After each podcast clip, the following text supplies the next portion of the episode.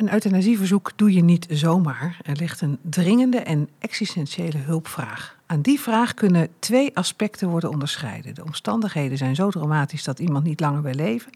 En er is sprake van een hulpvraag bij de uitvoering.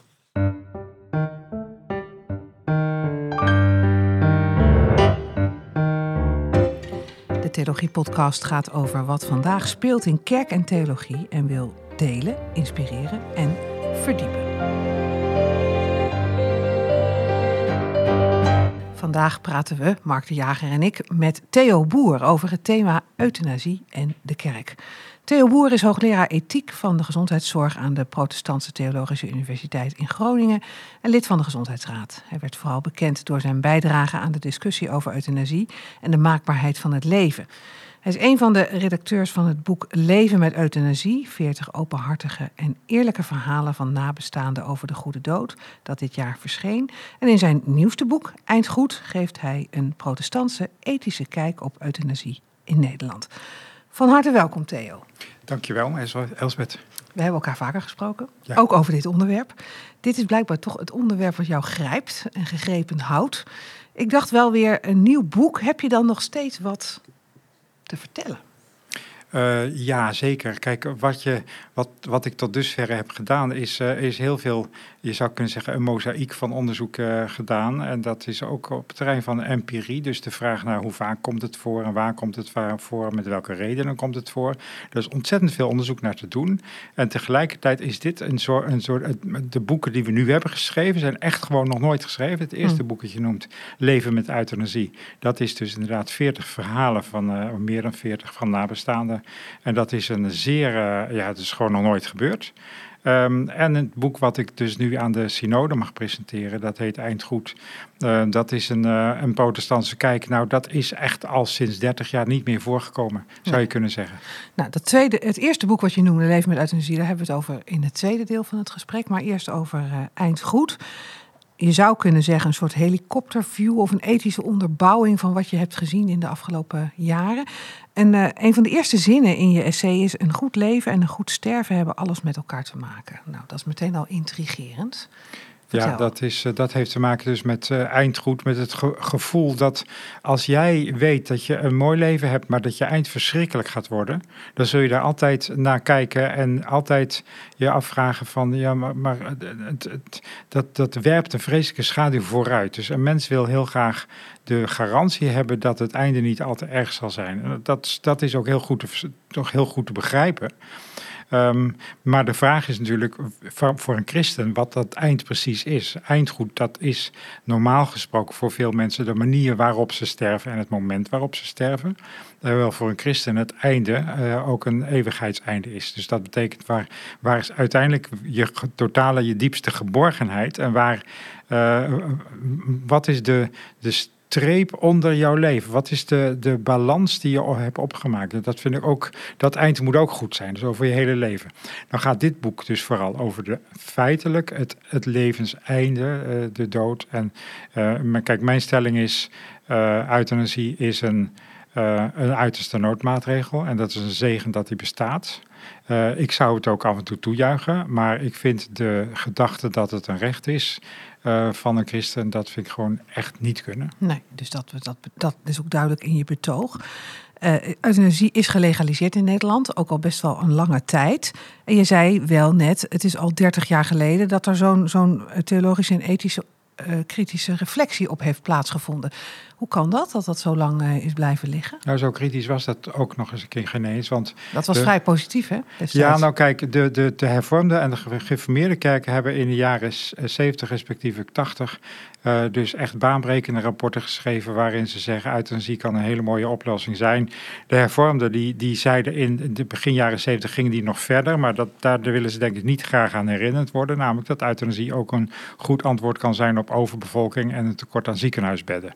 Wat? Maar- Echt? Jazeker, dat, dat staat er ook in. Nou, dat was de tijd waarin, eh, waarin ook eh, mijn, een van mijn voorgangers in Groningen, eh, Pieter Oskam Abbing, ook zegt van ja, er is iets, ook zoiets als verantwoord bejaardenschap, waar een, een, een bepaalde generatie plaats moet maken voor andere mensen. Dat was de, de, de, de heel dramatische periode van de, de rapporten van de Club van Rome, de Vietnamoorlog, de Koude Oorlog, de, en allemaal narigheid, waardoor een soort viande siècle, een, een soort ondergangsstemming was. En daar paste euthanasie bij. Dus dat was de hervormde kerk. Gereformeerden hebben dat iets, eh, iets verstandiger aangepakt in de jaren tachtig. Maar zeiden ook, het is een, een goede, kan een goede oplossing zijn. Dus de gereformeerden hebben in de jaren tachtig werkelijk systematisch alle argumenten tegen euthanasie vakkundig gedeconstrueerd. Ja. Dus, dus eigenlijk wat ik doe is relatief nieuw. Namelijk, ik zet de kant, ik ga de andere kant een beetje op. Ja, maar, maar hoe komt het, je mag zo Mark, hoe komt het dat het zo lang geduurd heeft? Want het, was toch best eerlijk, eerder aanleiding voor zo'n reflectie. Ja, er is een kritische reflectie geweest. Dat was in 1999. Toen, toen eh, hebben de hervormde en gereformeerde kerken, die toen inmiddels samen op weg waren, die realiseerden zich dat het met de euthanasiewet toch wel wat gortig werd. Ehm, en die, die, maar dat was geen theologisch essay. Dat waren iets van vijf bladzijden waarin gezegd wordt, werd pas op, pas op, legaliseer niet.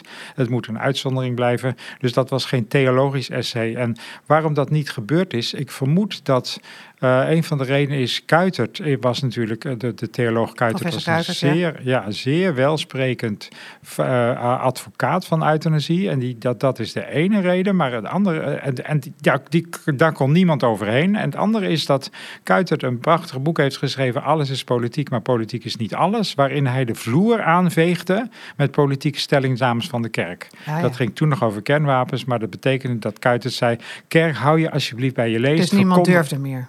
Precies, verhou je bij de verkondigde genade. En als, alles wat ethiek is, dat maken we wel in de plurale maatschappij uit. Ja. Ja, je noemde net van in de jaren 70, 80 was de sfeer ook wat, negatief hè, met de Vietnamoorlog en zo. Ehm, qua tijdsgeest is dat misschien nu ook wel weer een beetje vergelijkbaar. Je hoort ook veel negativiteit over het klimaat en dat soort dingen. Wat is er veranderd dat er nu toch een tegengeluid klinkt uit, uit jouw hand, maar toch ook wel binnen, binnen de kerk tegen euthanasie? Ehm, er er is wel en geen tegengeluid. Het tegengeluid dat komt van mij, eh, zeg maar, in dit geval. En er zijn natuurlijk heel wat mensen die... Er zijn echt veel mensen die het met dit tegengeluid eens zijn, moet gezegd worden. Maar wat geen tegengeluid is, is dat er ook nu weer een soort ondergangsstemming is. Net wat je zegt, om, eh, vanwege klimaat, overbevolking... die eigenlijk nog veel erger is dan, eh, dan 50 jaar geleden. En wat ik dus wel zie in onze tijd nog steeds... dat is een tendens om te zeggen... jongens, zullen we maar niet al te lang leven met elkaar. Bijvoorbeeld de voltooid levenwet, dat komen we misschien nog over te spreken. Maar dat vind ik Mm. een typisch voorbeeld waarvan wij als samenleving zeggen tegen een bepaalde groep mensen: het is misschien wel welletjes geweest. En dat is ook een hele discussie die nu gaande is over de ziekenhuis. Want het blijkt dat een heel aantal ziekenhuizen standaard zeggen dat als je 70, 75 of 85 bent, gaan we je niet reanimeren, zelfs al zou je dat willen. Dus daar zit een tendens in van het moet, het, het moet een keer eh, ophouden. Daar is er een parallel- parallel. De, de reden waarom ik nu kritisch ben, dat is omdat ik heb gezien dat de werking van de euthanasiewet heeft geleid tot, tot praktijken die we destijds gewoon echt niet hebben gewild en niet voorzien. Laten we dat dan eens even uitpakken, die kritiek die jij hebt. Eh, de paradox van de doodswens. Dat is een belangrijk onderwerp. Jij mag best een slokje koffie nemen Ja, hoor. ja, dankjewel. een belangrijk eh, thema in je essay. Eh, neem ons eens even mee in die paradox. En laten we dan van daaruit eens kijken naar wat je, wat, welke bezwaren je aantekent. Ik zeg daar ook even bij, volgens mij worden die best breed gedeeld, zowel door gelovigen als door niet-gelovigen. Ja, Dus je bent niet een roepende in de woestijn. Nee, dat klopt. Nee, waar ik een hooguit een roepende ben, is dat ik dan zeg, misschien gebeurt het dus concreet gesproken gewoon ook te vaak, maar dat heel veel mensen eh, de, de, de doodswens wel zien als iets echt problematisch. Mijn collega eh, filosoof in Antwerpen, Willem Nemmens, noemt het een transgressionele act. Dus iets waarbij je echt een, een, een stap zet die heel bijzonder is, net zoals eh, eh, bijvoorbeeld intimiteit dat kan zijn. Dat moet, je, dat, dat, dat, zijn, dat moet aan heel strikte regels gebonden zijn. Ja, die paradox van de doodswens, dat is, dat is eigenlijk vrij simpel uit te leggen. Namelijk, ehm, ik denk dat die do- zeggen dood te willen, die willen eigenlijk helemaal niet dood zijn. Die willen in ieder geval dit leven niet. Nee, die willen niet leven op deze manier. Die willen niet leven op deze manier. En die hebben daarbij soms wel doekjes voor het bloeden om, om zich voor te stellen dat het dan daarna niet de totale vernietiging is, maar dat daarna iets moois komt. Hè? Dus dan is er een dokter die in een, uh, in een euthanasie-documentaire zegt, ik citeer hem eventjes, wat er nu gaat komen, zegt hij tegen een meneer die net gaat sterven, wat er nu gaat komen, dat weet niemand, maar ik denk dat u daar een hoop goeds te wachten staat. En dat zie je heel erg veel. De troost van, we gaan, ik ga met een kind toe, naar een overleden man toe. Dat soort dingen. Terwijl ik zeg, empirisch gesproken, dus wetenschappelijk gesproken, weten wij gewoon echt helemaal niets daarvan. Ik geloof dat wel, ik hoop dat wel. Maar ik vind het gevaarlijk om geloofsuitspraken tot basis te maken voor de beslissing over leven en dood. Ja. dus dat betekent, een, een doodswens is eigenlijk geen doodswens, maar een, een wens om dit leven niet te hebben. Ja, dat, dat zeg jij. Terwijl misschien iemand die om de dood vraagt, dat zal ontkennen. Nou kijk, het, het simpele feit is, je kunt helemaal niet dood willen zijn. Je, je kunt, toch niet dood willen zijn? Nee, je kunt niet dood willen zijn. Je, kunt, uh, je, je kunt toch niet, er kan toch niet een moment zijn waarop je zegt, hé, wat prettig dat ik dood ben.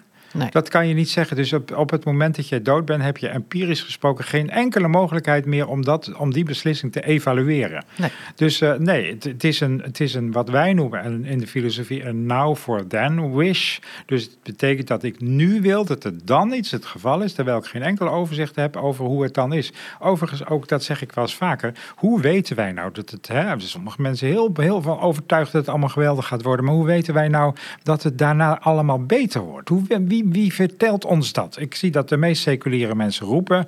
Dan gaan ze naar hun overleden uh, huisdieren toe en naar hun vrienden. Maar wie zegt ons dat we daar aan die andere kant niet worden opgewacht door onze grootste vijanden? Of hm. dat Pol Pot of, of Stalin ons daar niet staan op te wachten? Hoe weten wij dat? Het is volstrekte illusie. Dus ik zou zeggen, je moet doen alsof dit het enige leven is. En dan zeg je, uh, een euthanasie kan een goede beslissing zijn, omdat je zegt, dit leven is ondraaglijk hm. geworden. Hm. Dus je, je pleit ook niet, het lezen we ook niet in je essay, voor het uh, weer ongedaan maken van de euthanasiewetgeving. Nee. Je zegt dat die mag bestaan. Maar wa, waar richt zich jouw bezwaar dan tegen? Tegen het, het, beeld wat we hebben van de dood, tegen het gemak waarmee mensen euthanasie krijgen, tegen wat, wat, wat, ja, waar schuurt het? Al die dingen, al die dingen. Ik, ik sprak laatst een, uh, toch wel een toponderzoeker in dit veld en die zegt ook ja, het hele begrip waardig sterven is ge, ge, ge, uh, gehijacked, gekidnapt. Um, gestolen door de, de, de, bewegingen die voor euthanasie zijn. Dus een waardig sterven en dan moet je bedenken dat nog altijd 95% van de mensen zonder euthanasie sterft. Maar een waardig sterven is voor, eh, voor de beeldvorming altijd het zelfgekozen levenseinde. En dat het liefst dat de dokter dat doet. Ook, ook iets wat merkwaardig trouwens, want het is een typisch Nederlandse keus geweest. Um, terwijl je zou moeten zeggen, waardig sterven, dat kan iets heel anders zijn. Waardig sterven kan ook zijn dat je, dat je juist het sterven ondergaat in plaats van het regisseert. Ja.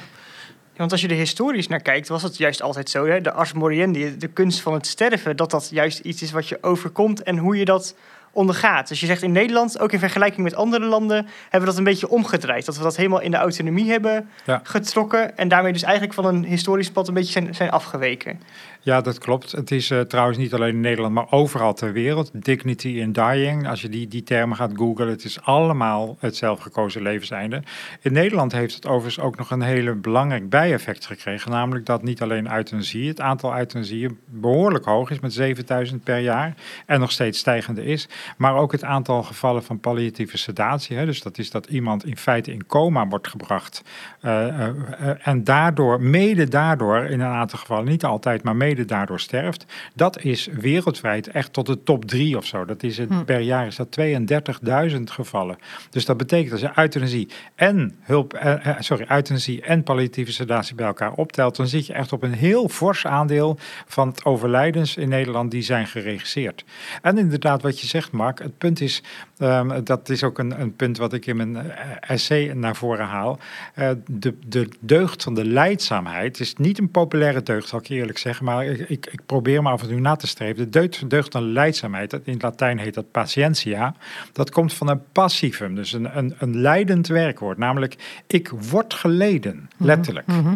Dus dat is de kunst geweest en daar is de oude kerk groot mee geworden. Met, met namelijk eindeloos leren om onrecht te verdragen, maar da, tegelijkertijd je, je waardigheid te behouden. Uh, door geduldig te zijn en niet in paniek te raken, niet bitter te worden, niet cynisch te worden niet er een eind aan maken. Ja, maar stel je dan uh, leidzaamheid tegenover autonomie?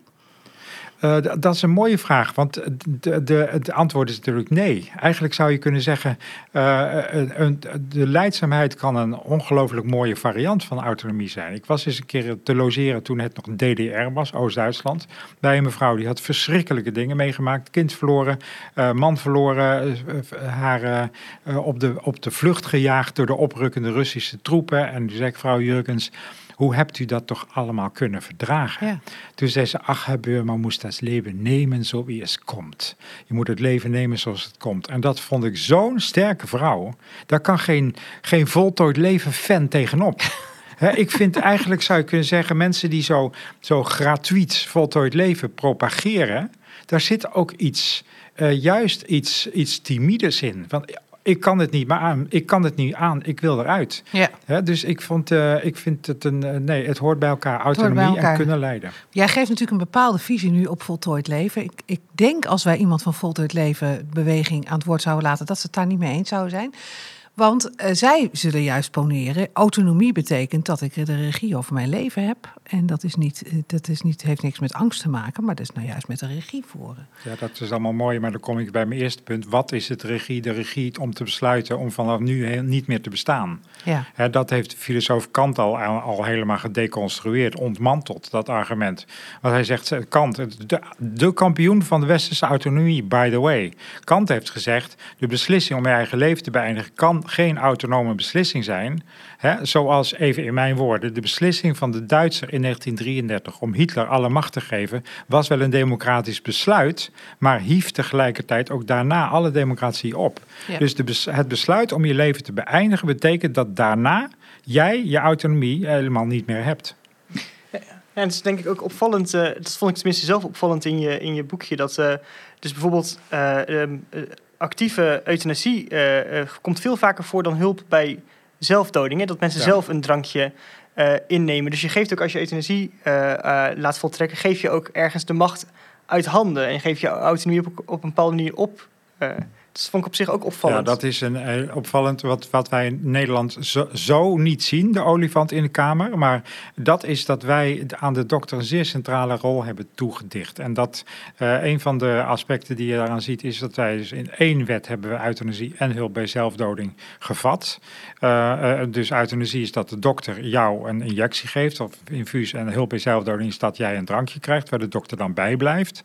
En tegen alle verwachtingen in is het aantal euthanasie juist relatief zeer sterk toegenomen. Hm. Terwijl het aantal hulp bij zelfdodingen is nu gereduceerd door 3,6 procent. Dus uh, 96,4 procent. Uh, dat is euthanasie. En dat is heel merkwaardig, omdat je zou zeggen als iemand autonomie met een hoofdletter schrijft waarom voert iemand die handeling dan niet zelf uit? Gesteld dat je het kan doen. Er zijn mhm. mensen die kunnen niet slikken. Of die, die, die, hè, die kunnen het niet binnenhouden. Dat is een andere vraag. Maar uh, landen waar geen euthanasie is, maar wel hulp bij zelfdoding. Als met, meest belangrijke voorbeeld Oregon, in Amerika, maar ook tien andere staten. Daar zijn de cijfers ongeveer acht keer zo laag als bij hm. ons. Ja. Jij schrijft dit essay voor de synode, voor de protestantse kerk in Nederland. Uh, nou is het, zeg maar, het verschil tussen hoe mensen binnen en buiten de kerk denken over veel dingen in de samenleving niet zo heel groot. Hoe, hoe, hoe wat merk jij daarvan? Uh, hoe, wordt er gedacht binnen, binnen zo'n protestantse kerk over, over euthanasie? Gaan wij mee met het autonomie denken of zit daar toch nog een soort ja, dat, daar gaan we wel mee. Um, een, een, prachtige uitzending zou ik iedereen aanbevelen om eens te kijken. Jacobine op 2, die heeft een, uh, een uitzending die, die gaat over euthanasie, voltooid leven. En daar zit een, uh, een echtpaar, uh, een heel gelovig echtpaar, dat zegt wij willen een eind aan ons leven maken, want God heeft ons dat gegeven, die mogelijkheid. En je zou kunnen zeggen, autonomie denken, individualisme, um, activisme zit allemaal wel erg in het Nederlandse protestantisme. Hmm. Um, en je zou kunnen zeggen, heeft het Nederlandse protestantisme nou onze cultuur zo beïnvloed? Of heeft onze cultuur het Nederlandse protestantisme beïnvloed? Daar ben ik nog niet helemaal uit. Ehm, maar wat ik wel wereldwijd ook vind en duidelijk zie, is dat euthanasie vooral in protestants, of voormalig protestantse landen uh, wordt geaccepteerd. Kijk naar Canada, kijk naar Nieuw-Zeeland. Dus het zijn vooral de protestanten die zeggen, hoor eens, je mag, het, je mag een eind aan maken. Ja, je mag het, zoals ik me dat echt paar herinner, die zeggen, je mag het geschenk van het leven weer teruggeven aan God. Ja, en dat, is van, dat komt helemaal uit de koker van Kuitert. Die heeft daar een prachtig boek over geschreven en dat zie je nu overal terug. De dominee heeft mij gezegd, je mag het leven respect, in de handen van God terugleggen. En daar ga jij tegen in, juist in, het, in, in je boekje. Jij, jij zegt dat argument uh, gaat eigenlijk... Eigenlijk niet op. Omdat het niet een, uh, het leven een gave is zoals je een cadeautje aan iemand geeft. Nee, dat, die, die, precies. Ik zeg altijd, je moet, als je, als je al spreekt in termen van het leven als gave van God, dan is het niet, dan is de, de, nadruk niet op het leven als gave van God. Want als ik van, van jullie een gave krijg, dan kan ik het mee naar huis nemen. En dan kan ik dat toch uiteindelijk mee doen wat ik zelf wil. Maar de nadruk, het leven als gave van God. En ik zeg altijd, als je God zegt in de ethiek, dan, dan verandert alles. De, als, als je althans bij God voorstelt de, de, de, de, de origine van de Big Boom, dan, dan, uh, dan verandert er meer als wanneer jij op het vliegveld het woord bom gebruikt. Dan zul je zien dat daarna ook niets meer hetzelfde is. Dus het leven als gave van God, dan zeg ik ja, nou dat, dat maakt, geeft zo'n gevoel van terughoudendheid. Uh, daar, moet je dan niet, daar moet je dat niet modern gaan interpreteren. Dus ik vind die hele, dat hele idee, wij mogen het leven respectvol in Gods handen terugleggen, vind ik echt een tragische Duidelijk. Wat geef je ons wel mee in dat essay?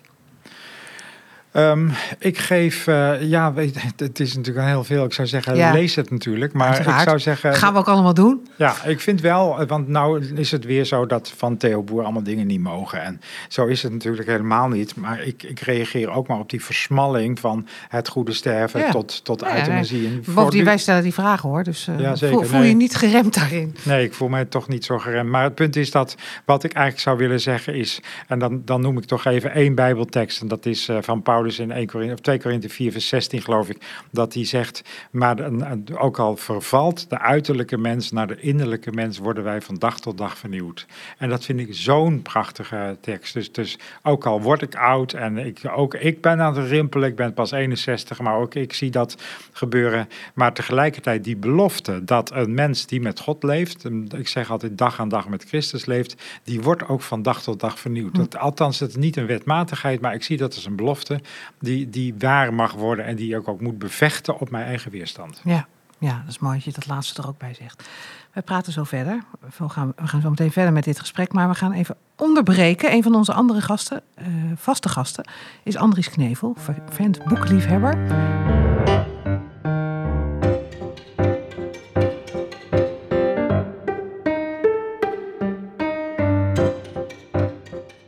Dag Andries, welk boek heb jij uh, voor ons gelezen? Ik heb het boekje gelezen, Eenvoudig Leven. Bijbelstudies over het goede leven. Door uh, Sam Jansen, dat is een dominee, Bert de Leden, onze oude collega Koos van Op en nog een paar uh, mannen mm -hmm. en vrouwen. Mm -hmm. Het is een, eh, een dun boekje met een stuk of zes uh, Bijbelstudies. die gaan over duurzaamheid en circulaire economie. En een paar kleine miniatuurtjes voor mensen die het, nou, die het in de praktijk brengen. Ja. Um, het is niet een alarmistisch boek in die zin dat er allemaal cijfers in staan waar jij ontzettend bang van wordt. Ja, het enige cijfer wat mij raakte was dat er maar 0,3% van het water wat in de wereld aanwezig is, drinkbaar water is. Dus dat vond ik dan wel een cijfertje wat me aan het denken zette. Maar het, was, het is meer een pleidooi voor een, zoals ze zelf zeggen, eenvoudig leven. Ja. En dat vinden ze zelf het goede leven. Dus zij zeggen, uh, als je heel eenvoudig leeft, dan is dat niet een soort offer wat je brengt, maar dan is het gewoon heel fijn om goed en eenvoudig te leven. Dat is Ja. eigenlijk de boodschap van dit, uh, dit boekje. En weten ze jou te overtuigen daarvan? Um, er staat in dit boekje niet zo gek veel nieuws. Uh, de mooiste Bijbelstudie vond ik over Psalm 92, waar de leden een pleidooi voert om de zondag te houden, maar weer met wat meer sabbatsgeboden erin. Tot, uh, tot rust, om uh, tot rust te komen. Dat vond ik wel een mooie. En voor de rest is het eigenlijk een boekje, ja, wat je weer even inspireert en even nadenkt over dat goede en dat eenvoudige leven omdat we allemaal natuurlijk, althans ik wel, weer het risico lopen om in een oud consumptiepatroon te vervallen. Dus in die zin is het een wake-up kolletje. Ja. Een kleine wake-up call om weer even na te denken over de vraag wat nou eigenlijk bijbels gezien het eenvoudig en goede leven is. Ja, ik, Ja, ik moet eerlijk zeggen dat ik zelf bij eenvoudig ook altijd een beetje denk, oh, oh, ik weet eigenlijk niet of ik daar wel zin in heb. Herken jij dat gevoel? Ja. ja. Ja, En helpt dat boekje dan daarbij? Of, of, of, eh, nee, ik herken het. Ik, wij leven niet uitbundig, eh, mijn vrouw en ik. Maar ik denk niet dat wij alles doen wat in het boekje staat. Hoewel het niet een boekje is met allemaal tips en tricks, hè. Want daar word je moe van. Ja. Het is een boekje wat je geweten gewoon aanspreekt. En, en waarvan het geweten zegt, soms, eh, daar heb ik niet zoveel zin in. nee, dat klopt precies. wel, ja. Ja, en dan ja is en het daarom is het toch goed, Ja. goed om het boekje te lezen weer. Ja, Nou, wij laten ons geweten aanspreken door dit boekje. Ja, eenvoudig, eenvoudig leven. Dankjewel Andries voor, eh, voor, voor je toelichting. En als u dat boek wilt lezen, dan eh, kunt u dit boek en ook andere boeken die wij bespreken via uw lokale boekhandel bestellen. Of via de webshop van onze andere recensent eh, van rietschoten.nl.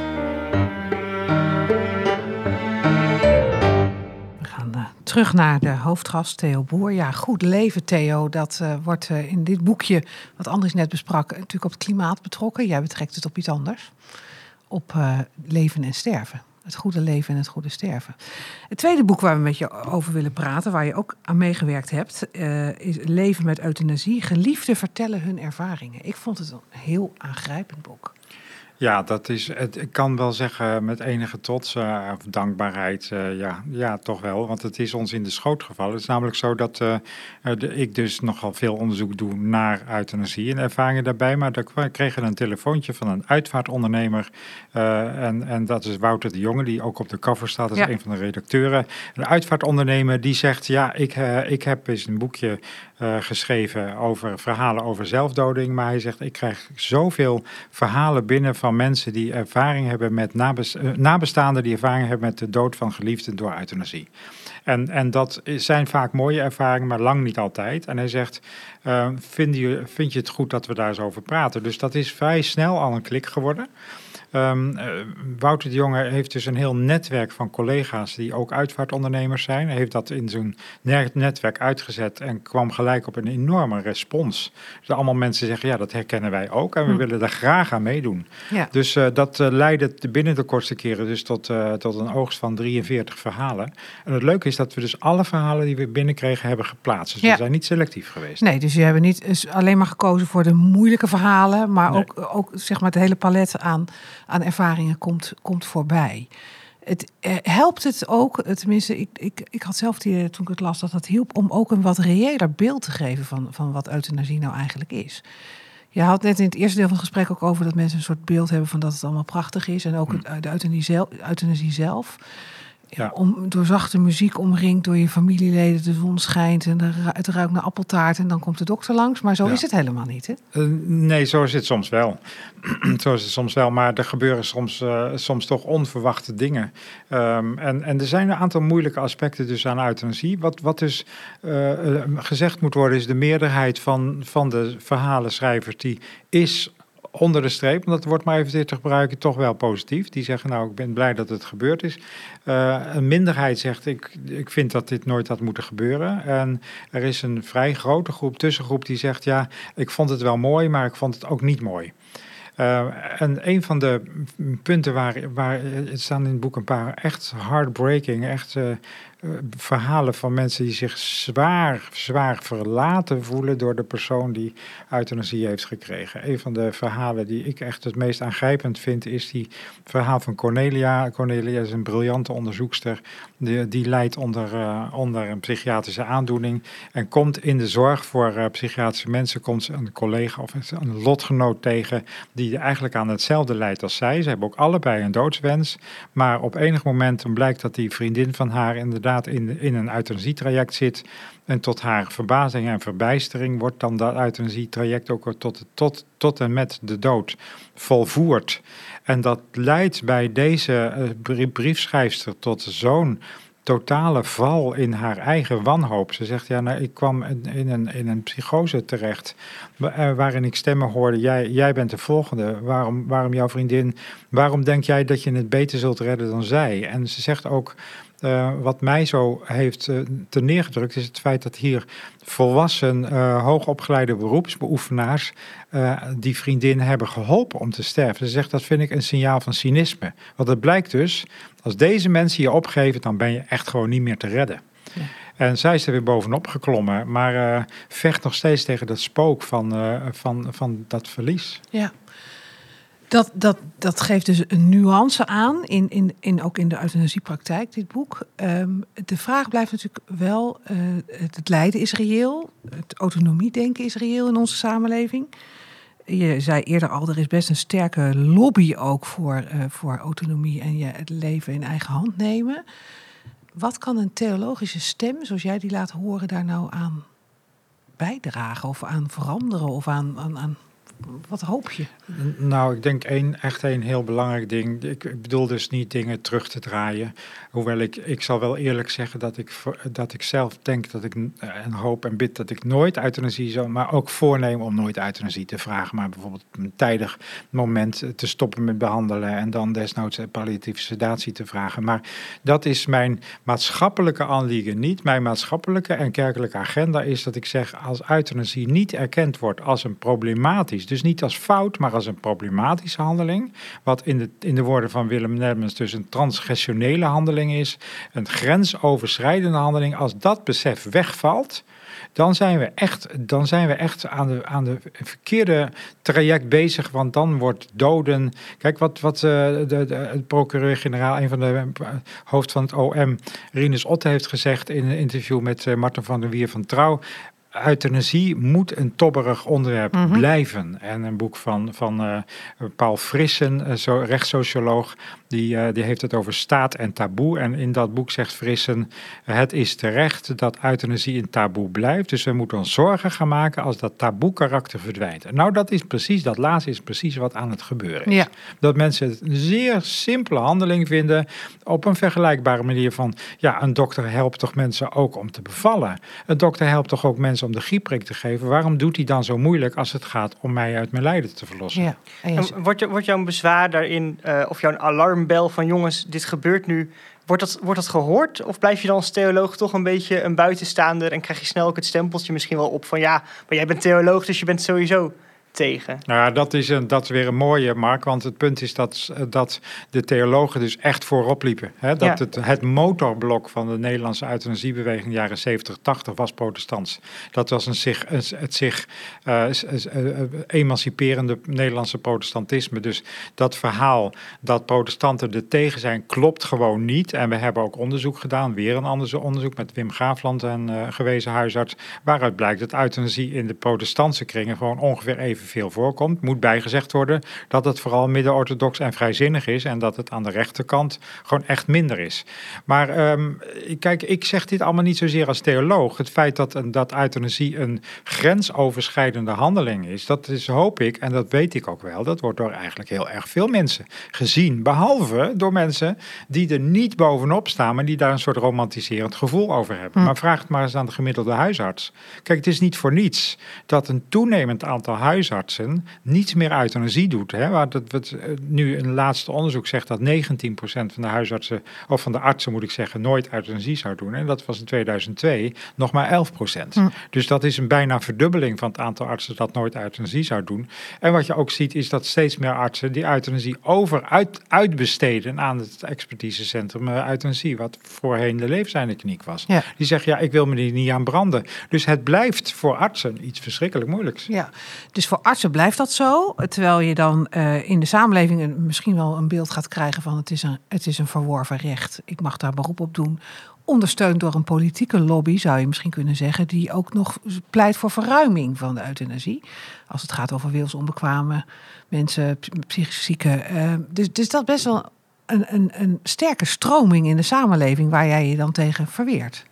Ik weet niet of die stroming zo sterk is of dat dat een self-fulfilling prophecy is die je hmm. noemt. Want als je nou nagaat dat uh, uh, ik probeer op dit ogenblik uh, probeer ik een, een academische discussie op, stand, op, op gang te brengen over een, een, middag over, over met name voltooid leven. Ik probeer wanhopig te zoeken naar een intelligente, academisch hoogopgeleide, filosofisch onderlegde voorstander van voltooid leven. Ze zijn er niet.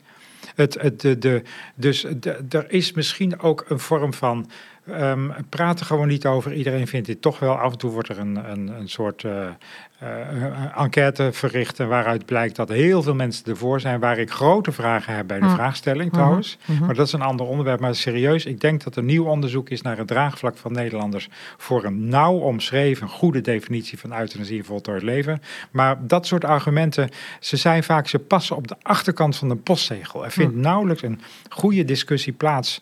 Um, en dat probeer ik toch wel een beetje weer aan te brengen. Ja, en jij zegt dus in feite, het is zo'n enorme ingreep, euthanasie, dat, dat, betekent, dat, dat, maakt dat wij daar als samenleving uiterst zorgvuldig mee om moeten gaan.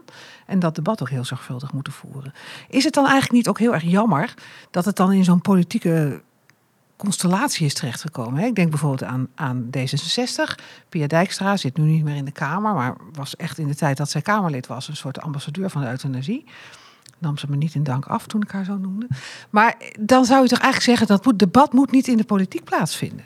Nee, daar ben ik met je eens. En daarom, daarom pleit ik er ook voor dat wij zouden zeggen: laten we nou eens eventjes de euthanasiewet naar alle kanten, dus zowel ter liberalisering als ter, ter uh, beperking, laten we die euthanasiewet nou gewoon twintig jaar echt onveranderd houden. Want dan, en dat zou ik bijvoorbeeld, daar heb ik ook bij abortus voor gepleit, dat je zegt: laten we die wet eens even gewoon laten wat die is, want dat verschaft ons de ruimte om gewoon de, het over de moraal te hebben.